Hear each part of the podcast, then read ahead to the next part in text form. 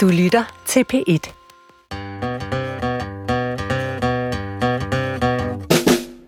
Velkommen til Vildt Naturligt på P1. Dine værter er, Vicky Knudsen. og jeg hedder Johan Olsen.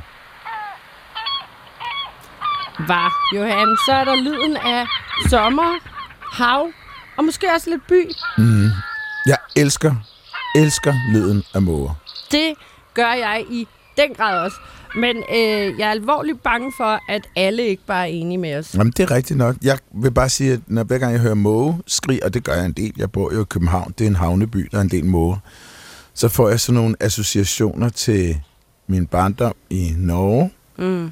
fordi der var der måger ude, ude, ude, ude i skærgården. Mm. Øhm, og det jeg får associationer til øh, færger, og jeg får også associationer til det der med at gå hjem fra en fest tidligt, tidligt om morgenen. Ja, Når solen stået op på sådan en sommer, og så måger, der står der og piller i skraldespanden og hilser er en velkommen.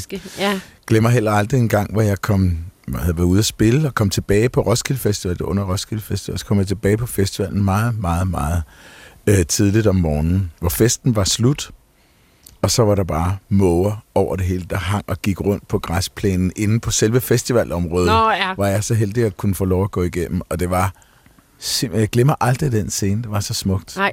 Og det er det, de er. Det virker lidt, lidt som om, de er lidt kvikke med hensyn til, hvornår mennesker sviner mest og ikke rydder op efter sig selv. For også inden, altså hvis man er i de større byer klokken, som du siger, en ting, de står og ruder der i skraldespanden. Man kan jo også se hættemåger foragere ned af Gamle Kongevej i København og Vesterbrogade for at se, om der er nogen, der har tabt deres McDonald's. Ikke? Mm. Så øh, vi skal i dag snakke om Måger. Lidt overraskende for nogen måske, men det er simpelthen emnet i dag. Og det er fordi, at det er ikke alle, der deler vores begejstring. Og det øh, er sådan, at der er mange, der mener, at der er måger overalt. Men vi skal finde ud af i dag, hvordan går det egentlig med mågerne? Hvad er det for Altså, nogle dyr? Hvad er det for nogle dyr? Hvorfor? Altså, hvor, hvad, hvad er der egentlig af måger i Danmark? Fordi jeg læste en artikel, hvor der stod havmåger. Allerede der kan jeg godt blive lidt Ja. træt, for det hedder det ikke i Der- Danmark. Der er, ikke, der er ikke en måge, der hedder havmåge, men altså, man refererer jo til de større måger. Ikke? Man bliver nødt til at lære arterne lidt bedre at kende. Det er meget vigtigt, at du ikke peger fingre og fordømmer os læbefolkning for Det- vores manglende fagtermer. Mm. Der må vi bare konstatere, vi ved ikke en fløjtende fis om arter, okay. Og hvad de egentlig hedder. Så er det bare måger, ikke? Der er jeg fordømmende. Sådan er det, Johan. Okay. Nu skal der strammes op på mågebarometeret. Godt, der er et dannelsesprojekt, og derfor har vi i dag lukket seniorforsker Thomas Breinballe, Institut for Ecoscience ved Aarhus Universitet på besøg. Hej Thomas. Hej hej. Du er ekspert i vandfugles forhold og har lavet en del arbejde med skarver også. Ja, det har jeg i hvert fald. Og så ved du en hel masse om måger. Blandt andet, ja. Og Thomas, er du lige så begejstret for måger, som vi er? ja, det vil jeg sige, at det er jeg. Lige bortset fra, da jeg boede inde i byen, og tidligt om morgenen, hvor sølvmårene øh, vækkede en med deres øh, skrigeleje. Men øh, hvis vi lige ser bort fra det, Ah, så fra kom det, så... alligevel? Ja, ja. Nå, men det er meget godt. Så har du jo i hvert fald også prøvet den sådan lidt mere værslige del af det, at man simpelthen bare bliver vækket af dem på- tidligt om morgenen. Ja, det igen. kræver nogle gode ørepropper. Ja, og igen er jeg super arrogant og bare sådan lidt, så er du ikke træt nok, hvis du har sovet. jeg er aldrig blevet vækket af mågeskrig. Heller ikke, når jeg er på Christiansø, der er måger overalt, der skriger, så bliver jeg heller ikke vækket Men vi er jo Så det- forskellige. Det er jo lige præcis det, vi er. Og ja, man kan jo godt forstå, at det er super irriterende at blive vækket klokken 4 om morgenen, når man egentlig øh, lige synes, der er et par timer eller tre til, man skal til at stå op, og så er der står to måger og skriger op. Og en ting er, som du nævnte, København. Vi har også Aarhus. Og i Aarhus ved jeg, der har været mange, der er lidt trætte af mågerne. Mm.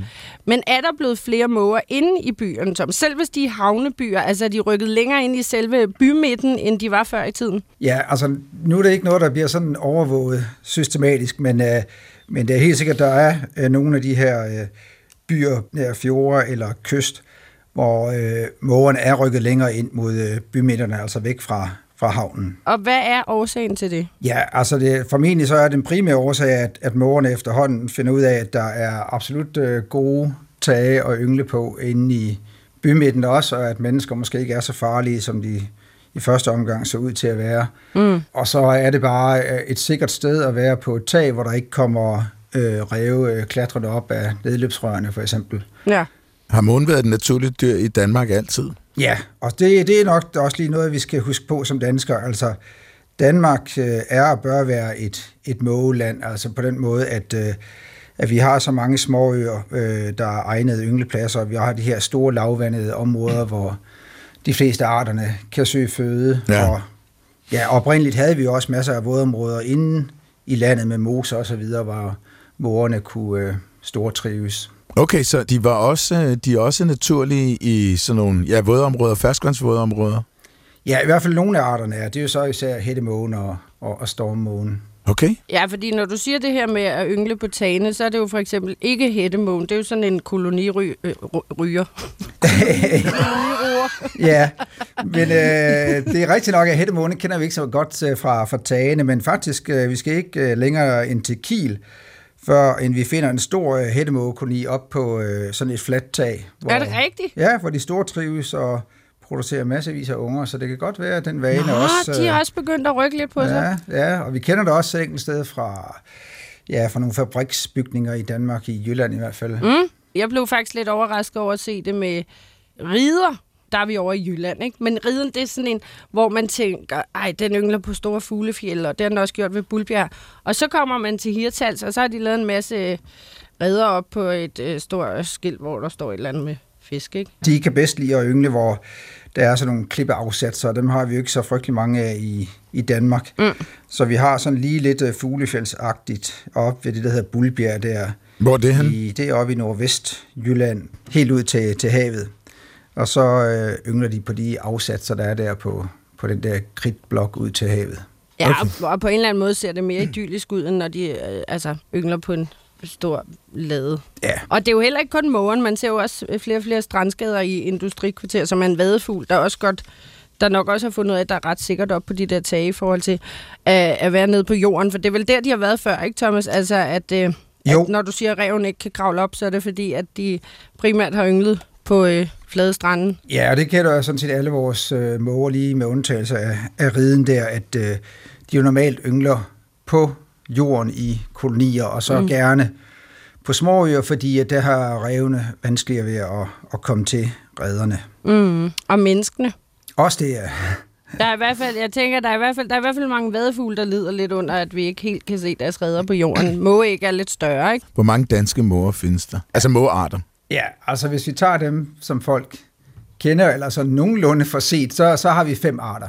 Okay. Og den ene der, det er den hættemågen der, som er den mindste af mågerne, som de fleste i hvert fald kender, fordi den har den der sortbrune hætte i yngledragt, og så har den de der røde ben og sådan delvis rødt næb. Mm. Og så er der den næst mindste måge, det er den, der hedder stormmågen. Og den har så øh, et helt gult næb, og så sådan nogle gult-grønne ben. Mm. Den kan også godt yngle inde i byen.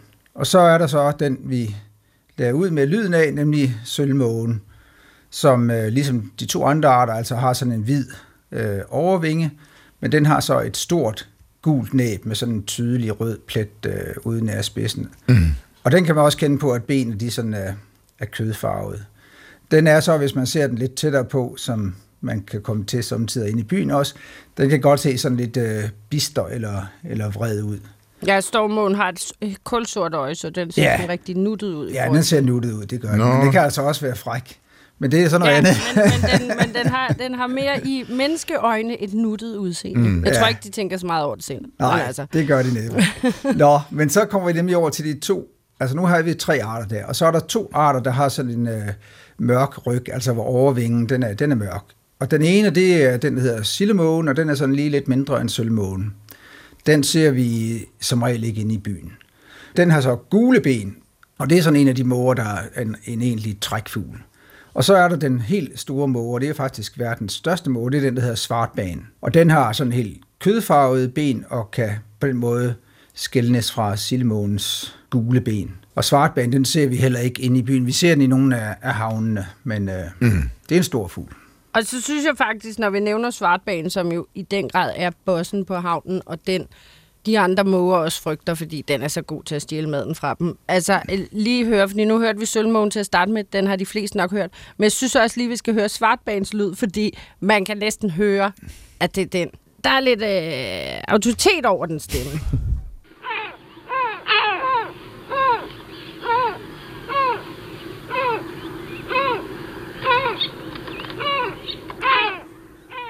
Ja, det er også en dejlig lyd. Ja, her lyder det måske lidt mere, som om den har ondt i maven. Men den er ligesom lidt mere øh, dyb. Jeg kan faktisk lige tippe, at min mor, hun har faktisk en udstoppet svartbag stående derhjemme. Nå, Ja, fordi der var hun, det er hendes yndlingsfugl. Og så var der nogle af hendes kolleger, jeg tror det var da hun stoppede som, som skolelærer, så gav de hende sådan en. nej, hvor fint. Ja. Det er Den- også en den- fin fugl. Den er blevet lidt slidt i hovedet. Er den blevet klappet for meget? Nej, vinduet stod åbent. Så er der en fugl, der er fløjet ind og har hakket den i hovedet. Men hun ved ikke, hvad det er for en fugl. Nej, der den skal også lade være med at stå der og se dum ud. Jamen, der var en eller anden, der var en sur på, der var sur på svartbagen. Jeg har lige kigget lidt på, hvad svartbag var for en. Og den har altså et vingefang på halvanden til 1,7 meter, Mm, og vejer mellem halvandet og to kilo. det er en meget, meget stor fugl. Det er altså en ordentlig børste. Det må jeg sige. Den er godt nok også flot. Det er jo også verdens største måge. Ja, Sølvmåge, sildemåge, svartbag, det var der måske mange, der synes lyder lidt ens. Vi kan også godt lige tage sildemågen, når vi nu er i gang med de der Nå ja. større måger. mm.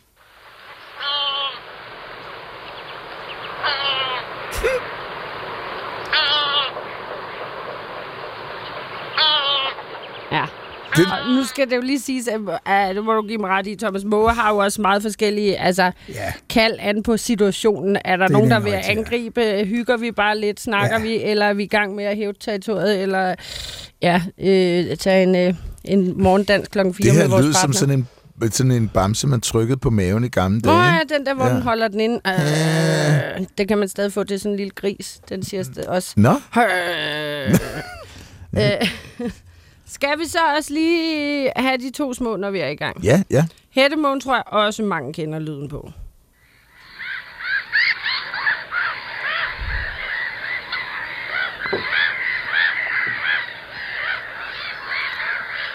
Ja, det gør man jo. Ja. Og det kan også være ret larmende, hvis det er en stor koloni. Der er der mange, der er glade for, at de endnu ikke er flyttet ind i byerne. Ja, de, snakker, de snakker ret meget i ynglesæsonen. undtagen i Kiel. Ja. Stormmågen. Har Skal vi høre den også? Ja.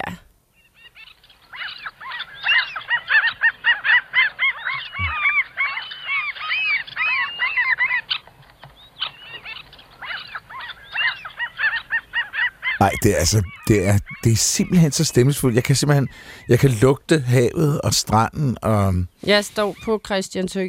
Ja, og, og, og ved, hvilke stormmåger, der er de gode gamle erfarne, jeg har kendt i mange år, og de yngler på lige præcis den mur der, og de er stille og rolige, og så ved jeg også, hvor øh, de er lidt mere øh, hissige stormmåger bor, og hvor at man enten bliver skidt eller jagtet, mm-hmm. hvis man går forbi deres rede. det er jo også pudsigt, hvis man ser rundt i verden, så er der nogle lande, der stort set ikke har nogen måger, i hvert fald kun nogle få arter. Så det er tydeligt her på den nordlige halvkugle, at der er vi øh, godt hjulpet, hvad angår mågerne, i hvert fald og deres, øh, deres antal. Mm. Men så man har også tropiske måger. Ja, ja, ja, vi har også måger, der kun findes der syd for øh, ekvator der. Så, Okay. Oven i de fem øh, mest kendte og almindelige, vi fik nævnt der, så er der jo også de sjældne ynglefugle, som vi allerede har været inde på riden for eksempel, eller sorthovedet måge, Nemlig, som ja. bliver mere og mere almindelig, og Ja, dværgmåge, tror jeg også har ynglet en sjældent gang imellem. Sagde du sorthovedet? Sorthovedet måge, Nå, meget ja. flot og meget, ja, den er meget flot. Okay. Oven i det, så kommer der jo så nogle trækgæster, som er årlige, eller ekstremt sjældne, eller øh, helt grotesk sjældne, eller Mhm. nogle år lidt flere, og det kan jo både være arktiske måger, som hvidvinget måge og gråmåge, eller det kan være øh, en, der har flået helt forkert. Armensk måge er for eksempel set i Danmark en Er enkelt gang. de, øh, er de meget forskellige genetisk, eller er, der, er det sådan nogle underarter, der kan få hybrider? Sådan? Det altså, kommer nok an på, hvad det er for nogle, er det ikke, Thomas? Jo, det gør det jo. jo der, men der er eksempler på, at øh, arter, altså de har dannet par i hvert fald, men så uden øh, at få sådan et levedygtigt øh, afkom. Og med den sorthovedede måge der, det er også et eksempel på, at arter trives, og så, så spreder de sig. Så sorthovedet måge der, de har, de har sådan spredt sig stille og roligt mod øh, nordvest der øh, siden 50'erne, hvor de oprindeligt primært var nede i omkring Sortehavet. Og der har vi, tror jeg, lige knap 25 par nu her i, i Danmark, fordelt på nogle, måske 10-15 lokaliteter eller sådan noget. Noget af det, jeg vil sige, de har til fælles, det er det her med evnen til at, at holde øje med hinanden og, og lære nogle tricks øh, af de andre. Hvordan det? Ja, på den måde, at øh, når de skal lokalisere, hvor der er, er føde at hente, så, øh, så er de øh, lynhurtige til at, at se på, hvor, øh, hvor er de, de andre måger. Og det er både kan være af samme art og øh, af de andre arter af måger. Og der er det jo også en enorm fordel, at de faktisk er hvide, og på den måde ofte har sådan kontrast til, til baggrunden, så de kan være meget nemmere at spotte jo på stor afstand. Mm. Og det er jo også derfor, nu var jeg selv inde på det der med Roskilde Festivalen, mm. at øh, er der pludselig sådan et, øh, et super udbud af let tilgængelig føde, jamen så, så kan de respondere lynhurtigt, de her måger. Altså, øh, man skulle tro, at de havde sådan øh, et eller andet sms-kæde eller sådan noget der, men i hvert fald så, så kan man overraske sig over, hvor hurtigt de øh, fra nær og fjern kan finde ud af, at det er her, det er, er bedst at være. Så det vil jeg i hvert fald sige, det er et af de øh, fællestræk, de har, og så selvfølgelig også, at de, de yngler i, øh, i kolonier. Og så er der jo sket meget store forandringer i deres antal her gennem de sidste øh, 100-150 år. Og noget af det, vi har så fundet ud af her de seneste år, det er, at det er faktisk slet ikke så let at tælle måger, som man lige skulle tro. Nogle steder har vi jo talt de her mågekolonier, og enten så, hvis, vi, hvis der er folk nok, så kan man jo gå rundt og, og finde og tælle øh, redderne, og så overser man måske nogle redder, men så synes man alligevel, man har rimelig godt styr på det. Mm. Og i andre tilfælde, der kan man så måske stå ude i kanten af kolonien, eller flere steder, og så kigge ind, og så tælle, hvor mange øh, sådan individer, der står derinde, og så kan man gange med en faktor, sådan, så man får det omregnet til antal øh, ynglepar. Ja. Og det har vi så også øh, jo gjort i mange år, og så har vi tænkt, ah, at vi må nok måske heller lige tjekke, hvor præcise vi er. Så har vi øh, fløjet med en drone og fotograferet nogle af de her kolonier, og så efterfølgende siddet med de her fotos, øh, hvor man kan se, hvilke af mågerne ligger så på en rede, og hvilke måger står. Og så har vi så talt sammen på det, og så fundet ud af, at, at man altså meget let kommer til at at tælle for få måger, ja. øh, når man gør det på den sådan traditionelle måde. Nå. Det kunne så, jeg godt forestille mig. Ja, for det, det bliver altså alligevel lidt uoverskueligt i sådan en, øh, en mågekoloni med, ja. med to, tre eller fire tusind øh, ynglepar. Så, ja. så vi er i det omfang, det overhovedet er muligt, gået over til at, at prøve at fotografere de her kolonier fra drone, og så, og så sidde derhjemme i computeren og, og tælle stille og, og roligt. ja, lige præcis. Uden larm i baggrunden. ja, også det. det er selvfølgelig lidt kedeligt, men, øh, ja. men hvis man gerne vil, vil komme så tæt på øh, virkeligheden som muligt, så, er, så har det vist sig at være den bedste fremgangsmåde. Men, men hvordan er det så gået med bestanden? Fordi det virker ja. som om, det har været noget svingende. Ja, det er nemlig også rigtigt. Og hvis vi tager hættemågen der, så, øh, altså, så, så må vi sige, at den havde et højdepunkt der omkring øh, midten af, af 80'erne, og der var det tydeligt, at nogle af, af hættemåren, de også drog vældig stor nytte af, af nogle af de fødekilder, vi mennesker havde stillet til rådighed. Og det var for eksempel øh, ved nogle af minkfarmene i gamle dage, der, der brugte man øh, sådan noget, øh, hvad kan man sige, ikke fiskeaffald, men i hvert fald det, som ikke lige kunne bruges til konsum, og så fodrede man mængdene ved det, og det lagde man så oven på trådbuerne der. Og det var, øh, der er i hvert fald mange hættemor, der fandt ud af, at de bare kunne opsøge de her minkfarme. Så i mm. nærheden af nogle af de her øh, minkfarme, hvor der så var nogle egnede øer, der havde man øh, kolonier på op til 20-30.000 par. Hold da op. Kæft, mand. Ja, så det var, det var ret øh, hæftigt. Det må da have været en enorm udgift for minkavlerne. Ja, de har helt sikkert altså, haft nogle tab der, det, det er der ingen tvivl om. Det er da og egentlig pudsigt, at man ikke fandt på noget for at undgå, at morerne spiste alt minkens mad. Ja, altså der kunne man sikkert godt have, have, have afskærmet de der minkbuer bedre der i mm-hmm. sin mhm. tid. Men i hvert fald dengang der omkring 80, der havde vi omkring øh, 300.000 ynglepar af, af hættemåger, og derfor har det også den art, der har været mest talrig yngle i Danmark. Mm-hmm. Okay. Og de var så fordelt på um, lidt over 500 500-600 lokaliteter der. Men så øh, efterhånden, som øh, nogle af de her fødekilder, de, øh, de ligesom svandt ind.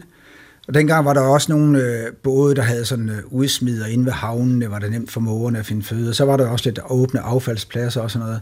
Men det fik man ligesom lukket. Og så har der egentlig været konstant tilbagegang, også fordi man har lavet store ændringer i landbruget, så mange af de her græssede enge, de, de forsvandt, og det er noget af det, der har været vigtigt for hættemågerne også. Mm. Så derfor, da vi i 2010 prøvede at, at tælle alle hændemågekolonierne i Danmark, der nåede vi ikke øh, op over øh, lige knap 80.000 par, så, så, så det var altså mange øh, par, der var forsvundet. Mm-hmm. Men det vi så kan se nu her de senere år, og det er jo igen sådan et eksempel på, at vi som mennesker spiller en meget væsentlig rolle for, hvilke levevilkår øh, blandt andet mågerne har. Hvor vi i de senere år har genoprettet sådan nogle øh, vådområder, for eksempel langs nogle af åerne, og så har man tænkt, at vi kan også lige lave en lille fugleø måske. Og det er altså noget, hættemågerne, de har sagt ja tak til. Så der kan vi se, at, øh, at bestanden den er der begyndt at gå lidt frem igen, fordi de her øh, vådområder, de, de giver nogle gode øh, forhold for den her art. Mm-hmm. Fordi den netop godt kan lide, altså hvis den ikke lige er altså, fremsynet som en kil, men altså at der er en, en ø eller en holm, som man kalder det, sådan ude i noget vand, så der er lidt rovdyrsikret på den måde, og så kan man alle sammen bo skulder ved skulder og hjælpe hinanden, hvis Lige der præcis. skulle komme noget andet. Og så kan de flyve ind på en fodboldbane, mm. og det har regnet, og hvis ikke det har regnet, så kan de gå i strandkanten måske og finde noget føde der. Så på den måde er mågerne også meget fleksible med hensyn til både, hvad de spiser, og hvor de kan finde føden. Så de kan også jo let flyve langt væk øh, for at, at søge føde, altså langt væk fra, fra ynglekolonien. Ja, mm. de spiser jo ikke kun øh, fisk og ting, der bor i vand. Altså, de er jo Nå. også glade for regnorme, øh, regnorme og insekter og sådan noget. Ikke? Lige ja. præcis, ja. Men kun kød? Og, Øh, ja, altså det skal så siges, at, at i hvert fald sådan en art som sølvmågen, den kan godt finde på at tage såsæd for eksempel og gå på markerne og tage korn der. Mm. Jeg ved ikke, hvorvidt det lige forekommer hos hættemågen der. Det tror jeg ikke er så almindeligt. Sølvmåge kan også, øh, kan også spise pomfritter. Det kan de i hvert fald, ja.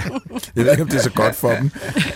Men, øh, det, tror jeg, de trives ganske godt med, ja. Helt sikkert, ja. Og den kan vi da også godt lige give et par ord med hensyn til dens øh, bestand, for det er også, må vi sige, en art, hvor det virkelig er gået både frem og tilbage. Fordi hvis vi går tilbage til starten af 1900-tallet i 20'erne eller sådan noget der, så regner man ikke med, at der var mere omkring, end omkring 3.000 par i Danmark. Hmm. Og stadig, da vi var nået til 1940'erne og måske starten af 50'erne, der var måske 5-9.000 par.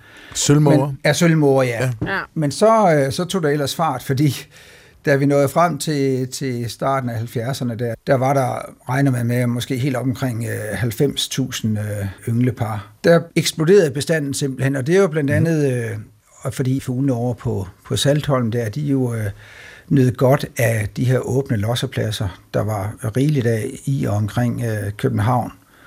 Wow, okay, og, så, og de, så de boede på Saltholm, det, det skal det du måske lige sige, er en ja. lille, lav, lav ø øh, ude for København. Ja, ja, og hvis man har været op og flyve fra Kastrup, så kan man næsten ikke undgå, ja, det kan selvfølgelig være, at man ikke har kunne kigge ud af vinduet, men ellers så, ja. så ser man den så der store flade ø. Ja. Ja. ja.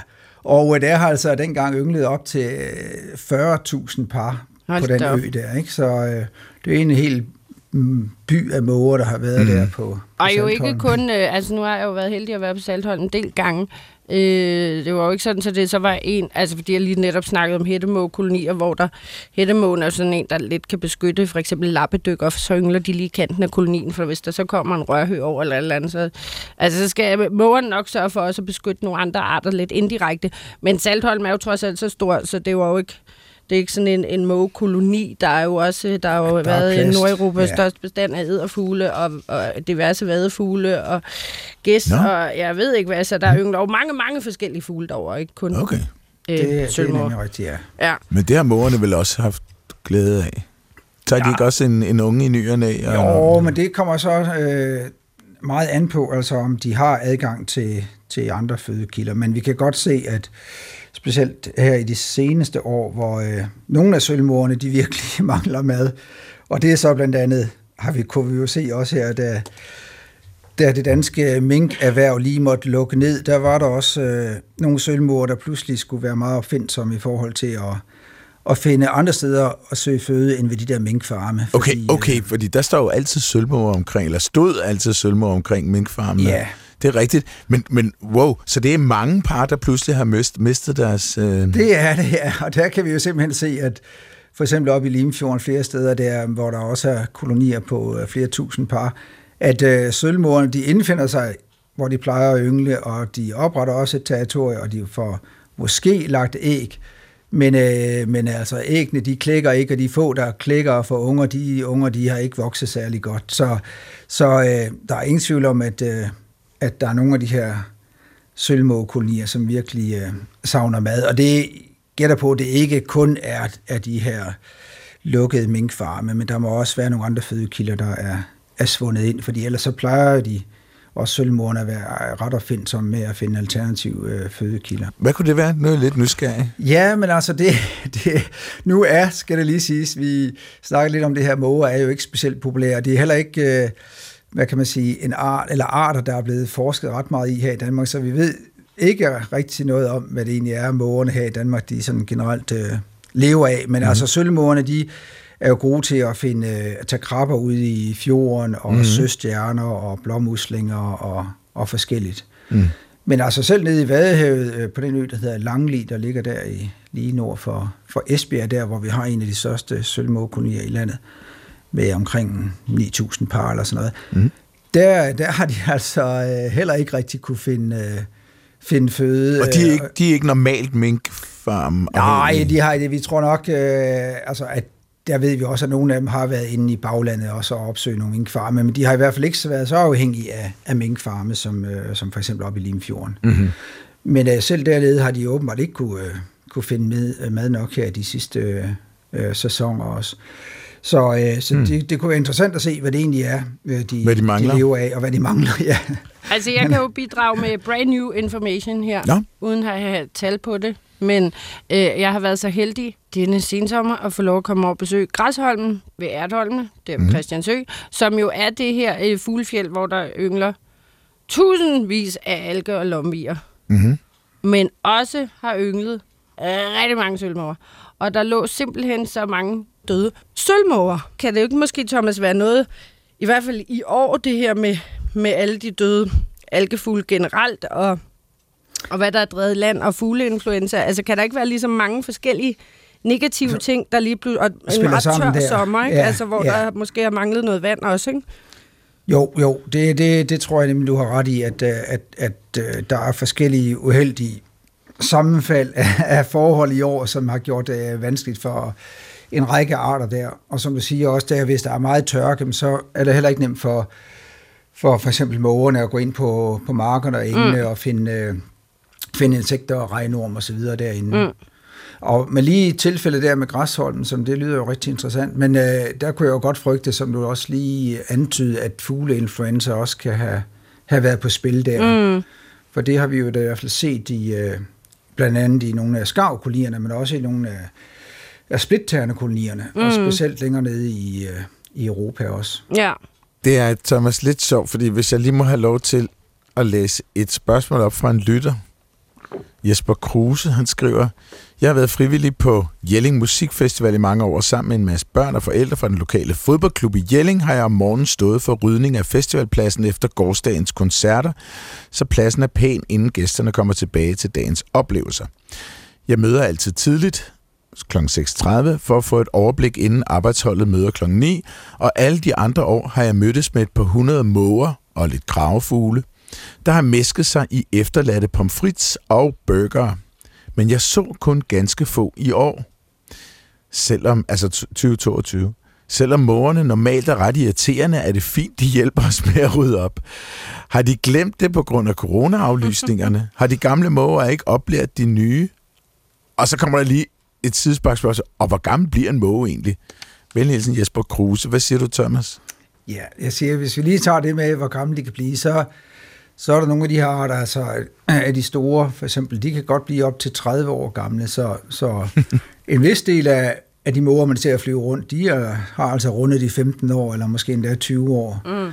Og, øh, og det der med øh, coronatiden her, altså der, der er ingen tvivl om, at, øh, at der er nogle øh, måger også, der er vågnet op også til en lidt anden øh, virkelighed i forhold til tilgængelighed af, af føde i visse perioder af foråret og sommeren.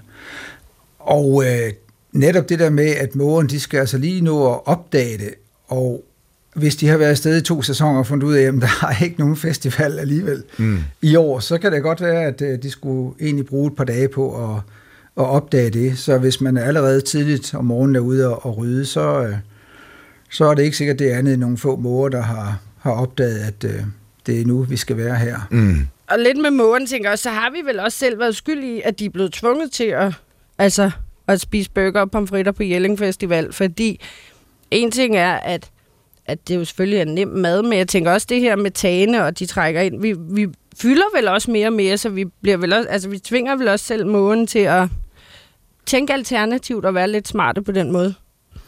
Ja, det kan man godt sige, men altså, vi har jo stadig mange øh, små øer og så videre, hvor, hvor mågerne de kan yngle, og det, det gør de jo så sandelig mm. også. Men, øh, men sagen er jo bare, at naturen, den, øh, hvis den, hvad kan man sige, ser nogle muligheder, og, og arterne, de øh, kan tilpasse sig enten ved at ændre deres adfærd, eller, eller, eller udvide deres spektrum af, af føde og så videre, så, så må vi jo bare acceptere, at naturen den også tilpasser sig øh, den verden, vi, øh, vi skaber. Mm. Sådan er det bare. Ja. Så, så du har ret i, at, øh, at vi må selv øh, tage lidt af ansvaret lidt, på. Lidt, ja, på vores skuldre. Men øh, det kan man jo ikke altid forudsige, hvordan det er, naturen den lige øh, justerer sig ind i forhold til det, vi øh, Nej, det er jo lige præcis skaber. det.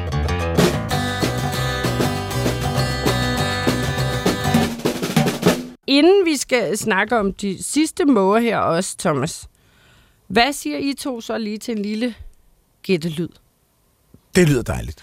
Og øhm, En nem en i dag, tænker jeg. jeg har et par, øh, jeg har faktisk et par øh, ledetråde. Nå, For det første er det optaget på Bornholm.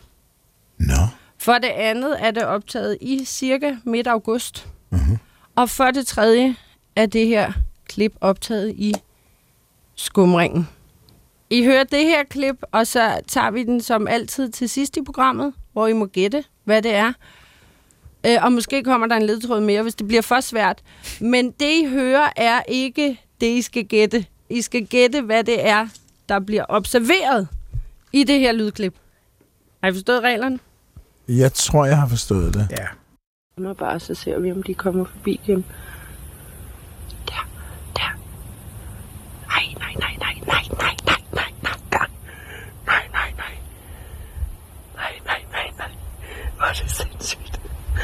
Nej, der, der, der er igen. Der er igen. Okay. Okay, det var jo øh, Uha. det var en homo sapiens, der, Ja. var, der var helt op at ringe. Okay. Den sidste ledtråd til lige at lade jeres hjerner grunde lidt over det her, det er, at det er optaget i Susanne Knudsens have. Min mor. Okay, den er fra mors have. Ja, som jo er en fuldstændig fantastisk have, har vi jo konkluderet flere gange i det her program. Og det var øh, fru Knudsens yngel, vi hørte. Ja, det meste af Mest, tiden. Man ja. hører også lige fru Knudsen et kort Det var fru. Knudsen den anden. Ja, det var Så det. det var en forælder der, ja. Det er spændende, var? Ja. Du lytter til Vildt Naturligt på B1, og på besøg har vi seniorforsker Thomas Breinballe fra Institut for Ecoscience på Aarhus Universitet. Jeg har, øh, Thomas, jeg har nogle personlige måge-mysterier. Og nu, okay. nu jeg er så privileg- privilegeret at have dig, så vil jeg spørge dig om de her måge-mysterier, om du måske kan hjælpe mig. For det første, så ser jeg over på sådan en fodboldbane, der er ved øh, øh, idræt øh, på universitetet. De har sådan en fodboldbane, eller sådan en ja, stor græsplæne. Og der går øh, måger omkring på den, sølvmåger. Og så nogle gange, så begynder de at trampe helt vildt. Så står de sådan duk, duk, duk, duk, duk, duk, duk, duk, duk, duk, duk, duk, duk, duk. Det kan jeg forstå, hvis man gik rundt i sådan noget lav, lavt vand, og så sådan piskede sådan lidt mudder op. Men i det her tilfælde, så går de og tramper på græsplæner. Kan du hjælpe mig med, hvorfor de gør det? Det, det er- kan jeg ret let hjælpe dig med. Det kan man også se hættemorerne gøre. Okay. Og øh, de af os, der som unge var på, eller skulle ud og fiske og have fat i nogle regnorme, lærte også, at hvis man øh, stikker en greb ned i, i græsplænen, og så rokker med den, så kan man øh, lokke regnormene op. Og øh, det mågerne gør, er simpelthen at få, få jorden til at, at ryste lidt, og, og det gør, at øh, nogle af de her regnorm, de, øh, de søger op til overfladen. Om det er så fordi regnormene, de tror, at nu er det begyndt at regne, eller hvad det er, det, det tør jeg altså ikke svare på. Men det er simpelthen for at, at få regnormene op til, til overfladen. Ej, hvor sjovt. Okay, ja. jamen tak. Nå, Johan, havde du flere spørgsmål til Thomas for ellers, så har vi også et par lytterspørgsmål, vi kan tage. Åh oh, ja. Jeg har jo siden, at jeg var lille, et, øh, specielt i Norge, der set øh, måger spise grotesk store bytter. Så har de spist en helt kæmpe stor fisk. Det har jo set uværdigt ud i nogle tilfælde. Det ser virkelig vildt ud, og de er sådan helt altså den fylder virkelig der i, i halsen på den. Man kan følge den helt ned i maven. Det har jeg altid undret mig over at kunne lade sig gøre, fordi de har vel også et luftrør siddende i de regioner. Som du siger, så kan man undre sig over, at de kan have øh, så, så meget, hvad kan man sige, så stort et bytte mm-hmm. siddende i svælget, hvor det kan tage flere minutter, inden det får bevæget sig ned i maven, ja. og alligevel øh, kan fuglen jo tydeligvis trække vejret. Ja, det så, så altså, det må være en øh, sådan fysiologisk tilpasning til, at det der luftrør, det er, er så, hvad kan man sige, stabiliseret så meget i, i de der ringe omkring, at, øh, mm. at det simpelthen ikke bliver trykt helt, helt ja, fladt. Ja, ja. Vi andre vil have et lidt større problem, tror jeg. Ja, og når man ser, hvordan de der næb, og det, det er jo sådan en tilpasning, altså at de kan jo øh, udvides helt vildt, altså inde i, i munden der. Ja. Så selv, selv en stor rotte kan, kan sådan en sølvmåge... Der er et utroligt dejligt klip på, øh, henne på internettet af sådan en måge, der står og spiser ja. en rotte. Det ser fuldstændig bizart ud. Nej, de, de, de kan noget. Ja. Men, men jeg har også tit set måger, altså især hvis de har fundet en stor fladfisk, for det er næsten bedre med en rotte, der har sådan lidt, den er sådan lidt den blød og sådan lidt aflagt ja, ja, ja, formet, ja. og så sådan lidt, lidt stor skrubbe der, den kan godt, og så står der en svartbær, og de kan jo altså, næbbet, næbbet kan jo også altså udvide sig til dimensioner, der er imponerende, når de får den ind, og man ser dem forfra, det, ser, det ja, ligner jo ja, noget fra en tegneserie, når de bare ja. sådan, men så når den kommer halvt ned, og de står, om, at man kan se, de står og kaster hovedet tilbage for ja. ligesom sådan at skubbe den lidt ned, ja. og så til sidst, så er det bare sådan, og så ud igen, og så, og så står de og prøver sådan at få den ligesom formet lidt bedre. Men skal vi lige tage et par hurtige lytterspørgsmål? Ja, ja, god idé. Det her er fra Peter Vinter Sørensen. Jeg har lagt mærke til, at nogle måger står passivt i kanten af landeveje. Cirka 9 ud af 10 står med bagenden mod kørebanen. De står med 2-3 km afstand. Min kæreste og jeg mener, at godhjertede mennesker kører ud med dem om morgenen og samler dem sammen om aftenen. Men det er nok ikke tilfældet. Hvad laver de, og hvad venter de på? Jeg skal ikke kunne udelukke, at, øh, at der også er nogle øh, måger, det vil nok også igen være sølvmåger primært, men måske også kunne hætte måger finde på det, men, men at, øh, at der bliver jo kørt øh, ganske mange øh, dyr og insekter og så videre øh, ihjel på, på vejen rundt omkring i Danmark. Ja og at, at nogen har fundet ud af, at øh, hvis man kigger sig omkring øh, langs vejene og på vejene, så, øh, så er der noget mad at finde der. Mm. Det vil være mit bedste bud. Men ellers så kan jeg altså ikke lige gennemskue, hvad, hvad ideen skulle være Nej, jeg tænker også, det må være sådan noget den stil. Så har vi den her, Mathias Høj. Hej med jer. Tak for et godt og underholdende program. Der er et emne, som I har berørt tidligere, men som jeg er sikker på har mere at give. Nemlig måger. Navnlig de helt store af dem. Stor parentes M, mågerne, altså stormmågerne, som særligt beboere i kystvendte byer kan have et anstrengt forhold til. Og allerede her, Thomas, der, øh, når jeg læser videre, tror jeg, du vil give mig ret i, at Mathias nok mener sølvmåger. Ja, både ja og nej, fordi øh, faktisk har vi set her i Danmark i de seneste øh, sådan 15-20 år, at, at der er nogle byer, hvor øh, stormmågerne åbenbart har fundet ud af, at, øh, at det er også super smart at yngle op på sådan en tag. Så øh, Holbæk og Odense for eksempel, der, der ved jeg, at, øh, der har de altså ret store udfordringer med, med stormmåger, der, mm. der, der er kolonier, og som nogen måske kan rendre, da du afspillede nogle af lydene, så har stormåen et noget andet skrig end sølvmåen, det er helt sikkert, men det er altså sådan meget skarpt ja. skrig, den har. så, så jeg kan godt øh, forestille mig, at, øh, at lidt afhængigt af, i hvilken by det er, han nu bor, så, øh, så har han oplevet stormmåner, som, som er Men generende. Ja. nu kan det være, at du så alligevel tænker, at jeg ved det ikke, det fortsætter, okay. det her. Selvom mågemorgenvækning er en lettere træls oplevelse, er det for mig at se i hvert fald, noget, noget fascinerende ved stormmågerne. De kan fortære en kinaboks med nudler på et par sekunder, som har de et vakuum i maven. Jeg har selv set en stormmåge være meget hurtig til at finde stakkels der, som var fløjet ind i et vindue og derefter døde. Stormmågen slugte stæren helt og i et stykke. Med dette syn indvides min datter i øvrigt i naturens brutalitet.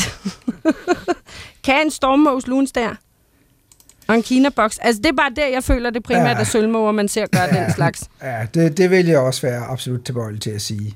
Jeg synes, en stær for en stormmåge, det, det lyder meget voldsomt. Det lyder lidt voldsomt. Ja. Men altså, Mathias, du må altså lige ud i Øh, altså, det er jo altid godt, også for ens datter, at, blive sat ind i det med liv og død, og at død også er vigtigt ude i naturen.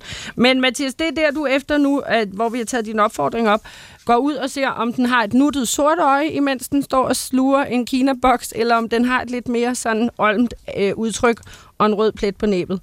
Øh, er det videnskabeligt bevist, at de hellere skider på nyvaskede biler. Det synes min egen erfaring i hvert fald at påvise.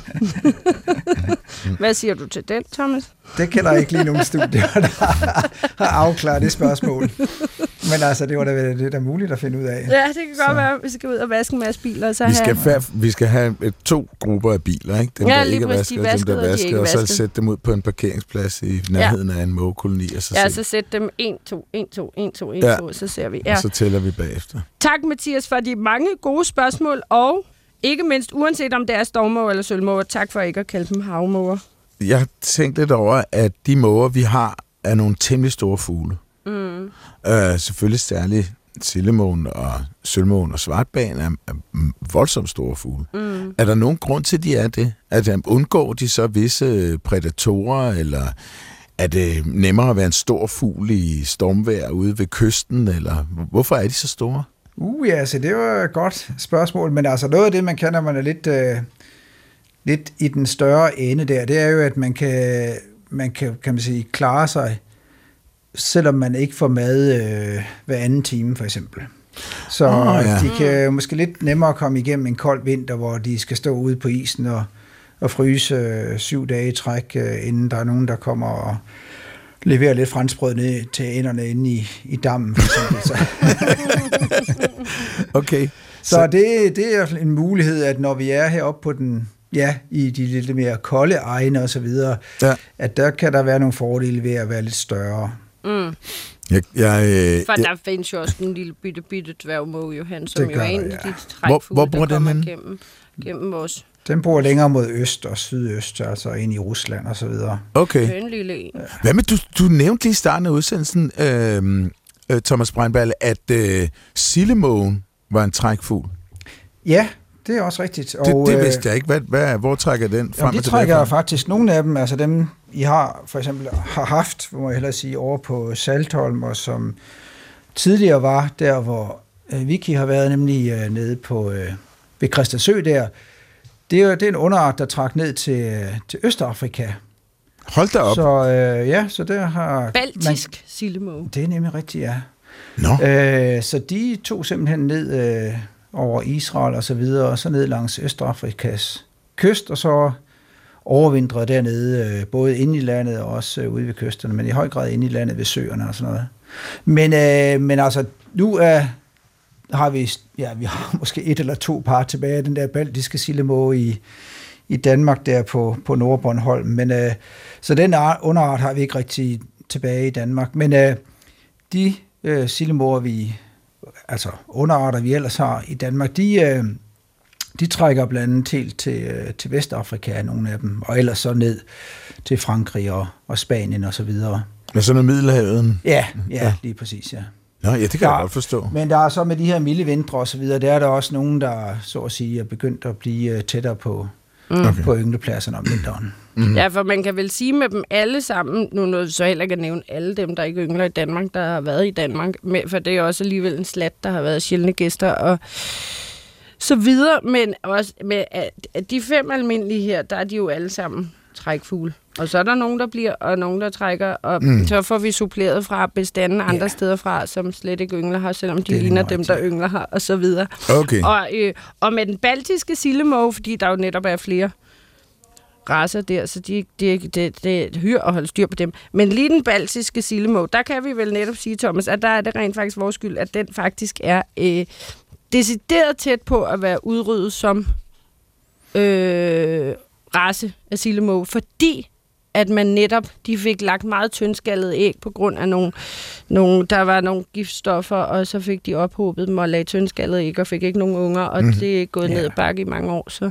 nu er den faktisk rigtig tæt på at blive udryddet. Okay. Ja, og det er så noget af det, øh, hvor altså også måske lidt et eksempel på, at, at vi nok her i Danmark, altså på ynglepladserne, kan gøre meget for at, at beskytte øh, for eksempel nogle af de fugle, vi har ynglende, men øh, vi har jo ikke, vi er jo ikke altid herre over, hvad, hvilken virkelighed de oplever, når de er på trækket eller i deres mm. overvintringsområder. Så, så hvis man i Østafrika er glad for stadigvæk at bruge DDT eller, eller andre giftstoffer for eksempel, så, øh, jamen så øh, er det ikke sikkert, at øh, de arter, der yngler hos os, de trives så, så godt med det.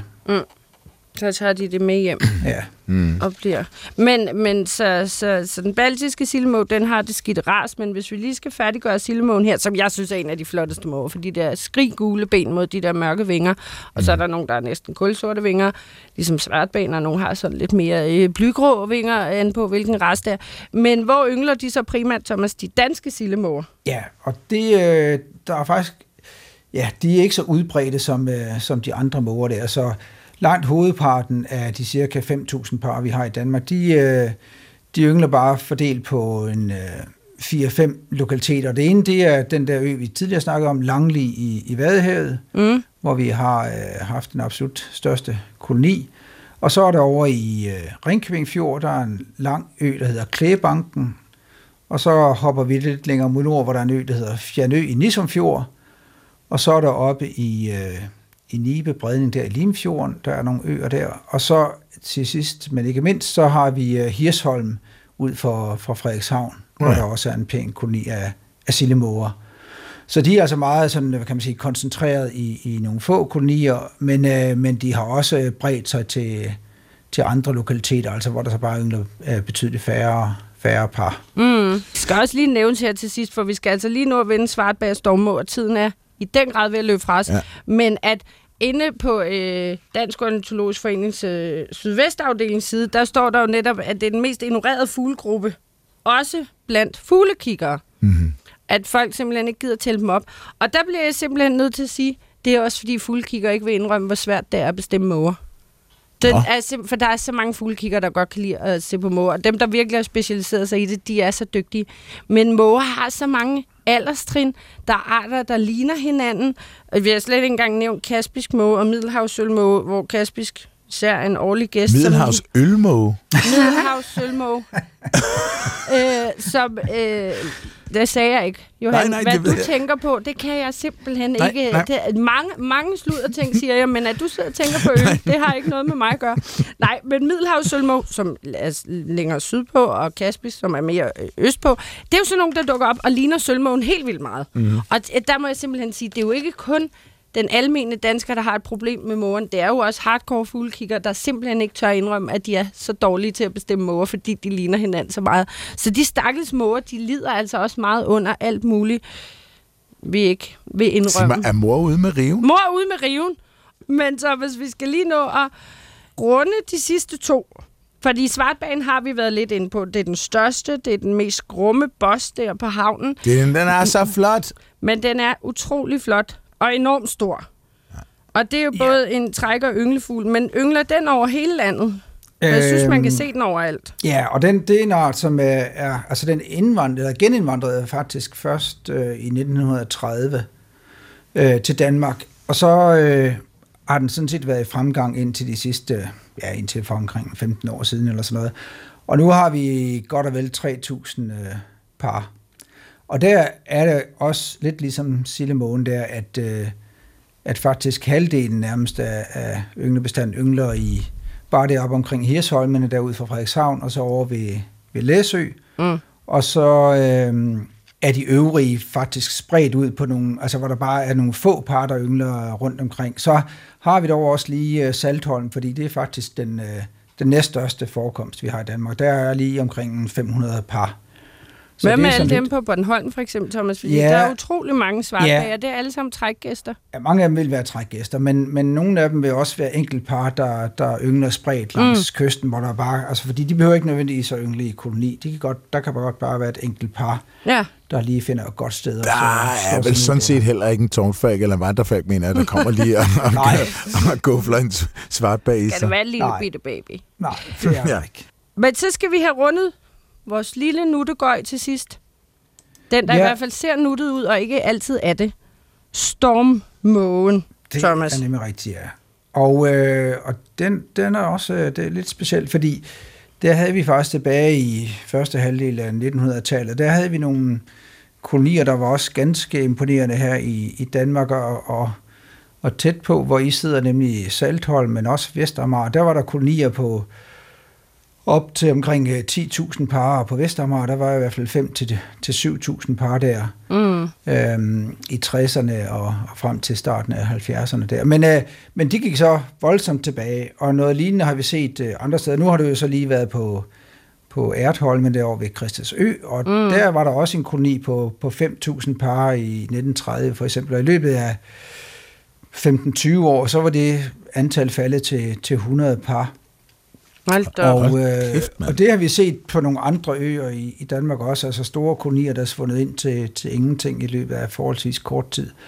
Er, er det Og- menneskeskabt? Undskyld, ved man det? Nej, nej, det ved vi faktisk ikke helt. Altså, det er øh, ikke sådan, man spiser dem. Nej, nej, det gør det ikke. Man samlede mange mågeæg ind, men altså, Ja. det, det har de jo altså bestanden nu alligevel nok i høj grad kunne, kunne klare. Øh, ja, faktisk så under krigen også og så videre, der var måger faktisk et godt supplement til at, at, at få både næring på bordene herhjemme, men også man, øh, man øh, samlede og eksporterede mågeæg til øh, Storbritannien for eksempel i stor stil Nå, Okay. fra øh, mange af de her kolonier rundt om i, i Danmark. Og man kunne Men- få mågeæggekage på Saltholm, har jeg hørt. Okay, jeg har aldrig smagt yes. det, men det kunne man på et tidspunkt. okay. Men altså nu om dage øh, med de her stormmåger, hvor vi har været op på måske en fem, omkring 65.000 par, der, der er vi nået ned på, gætter, så vidt vi estimerer det til, så er der omkring 13.000 par, vi er nede på nu. Så, så den er altså gået ganske betydeligt øh, Åh. tilbage. Hvordan Øh, går det i landene omkring os? For der kan jo Ja. være mange i træksæsonen. Det kan der nemlig helt sikkert, ja. Og, og nogle steder, der, der går stormmågerne øh, også tilbage, øh, men, men stadigvæk øst for os, for eksempel i Rusland og så videre, og nogle af de baltiske lande, der, der trives øh, arten øh, stadigvæk til synligheden godt, og vi får derfor mange øh, trækfugle mm. derfra Ja, okay. øh, i vinterhalvåret. Og den kan også blive gammel, ikke Thomas? Det er nemlig rigtigt, fordi det, det kan vi jo se ud fra ringmærkningen, at øh, nogle af dem er ekstremt dygtige til at holde sig i live. Af den grund kan de jo også klare, at de ikke får unger på vingerne hvert år. Hvis Ja. de bare i nogle kolonier får unger hver tredje år eller lignende, ikke, så, øh, så kan bestanden jo øh, holde sig, fordi de voksne fugle har gode chancer for at, at leve længe. Tiden er løbet væk. Men vi vil gerne lige prøve at gætte din uh, gættelyd igen. Ja, det vil I gerne. Ja. Hvilket vil sige, at I skal høre på mig igen. Ja. Må bare, så ser vi, om de kommer forbi igen. Der, der. Nej, nej, nej, nej, nej, nej, nej, nej, nej, nej. Nej, nej, nej. Nej, nej, nej, nej. Hvor er det sindssygt. Nej, der, der, der igen. Der igen. Det man også kan høre, øh, vil kunne høre i klippet, hvis man har gode ører, er, at der er en forholdsvis stor bestand af stor grøn løvgræshoppe i. det er det, der øh, larmer lidt i baggrunden. Men det er ikke dem. Nå. Så hvad tror I kom igennem haven i midt august i skumringen, og fik mig til at reagere på den måde? Og også min mor, skulle jeg lige hilse at sige. Ja, for jeg tænkte først, da når du nu var på Bornholm, og der var noget virkelig øh, overraskende at se, så jeg tænkte, jeg, er det nu en af de der bisonokser, du har set komme frem der i skumringen, men at den lige frem skulle komme ind øh, Igennem i haven. haven, nok ikke så stor. Nej. Nej, bevæger vi os kun inden for fugle, eller kan pattedyr også godt indgå Hun er helt Og- åben. Altså, det, det kan være åben, hvad ja. som helst. Det Ja. være hvad som helst. Der hjælper jeg ikke, Thomas. Sådan det. Så det er heller ikke naboen, der har listet sig ind, eller det kunne det jo Det godt. kunne det godt være. hvis jeg er Men der kan jeg godt lide reaktionen til gengæld. Der, der kommer de. Der kommer de. En natugle er hoppet ind i din mors have. Okay, natugle der. Så siger jeg, at vi er ude i en... Øhm, jamen, det, der må være tale om en klyde. En glyd i skumring i min mors have. Ja. Hey, der er vådområde i din mors have. Nu afspiller jeg lige lyden fra dyret, dog ikke fra haven. Men Okay. så kan det være, at I forstår, hvad det var, der skete. Mhm. Og der var to, kan jeg også sige. Mhm. Og de sagde ikke det her. Nå da. Hmm.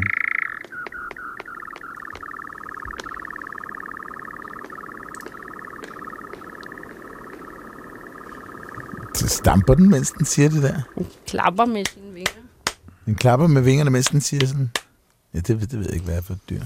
Ja, Det var- Jeg ville jo sige, at det var en natravn, men altså... Øh, To også- natravne på træk. Nej, Thomas, du har vundet. Nej, det har du altså ikke, Thomas, Nej, for fordi jeg du gættede den ikke første gang. men det er jo sjovt, jeg tænkte faktisk på natravn tidligere, Ja, men så tænkte jeg, ej, at den Det skulle for dukke op, i en. Ja, og dukke op i en have, det var altså lidt for, underligt. Ja, det kan jeg jo godt lide, du siger, Thomas, fordi det var netop fuld. Det er noget af det mest vanvittige, jeg har prøvet en have. Ikke fordi natravnen som sådan er sjældent. Det er heller ikke en, en, altså, øh, heller ikke en hættemåge i antal af ynglefugle øh, på den måde. Og øh, de lever jo om natten. De har den her Mm. magiske sang. Man ser dem jo ikke så tit.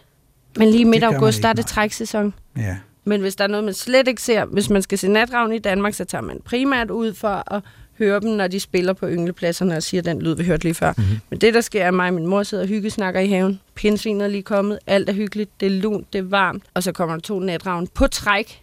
Så de er kommet nordfra. Måske fra Sverige eller et eller andet. Ned på vej sydpå. Flyver over haven og tænker, der er da lige godt med insekter her. Vi tager lige et par runder rundt. Så de var lige 30 sekunder, før de trak videre. Og det er der ikke mange, der oplever. Trækkende natravn i deres have. Jeg har oplevet Thomas? vildere ting i haver, men de involverede ikke andre arter. Nej, okay. Så tror jeg også, vi vil sige tak for i dag.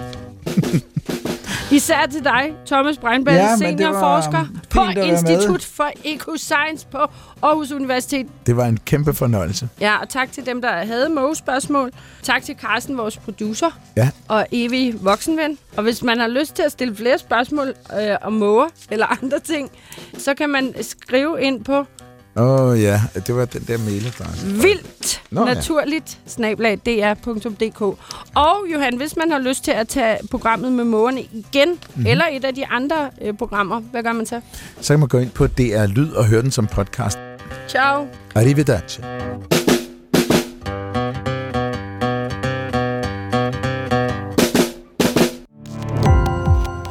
Gå på opdagelse i alle DR's podcast og radioprogrammer. i appen DR Lyd.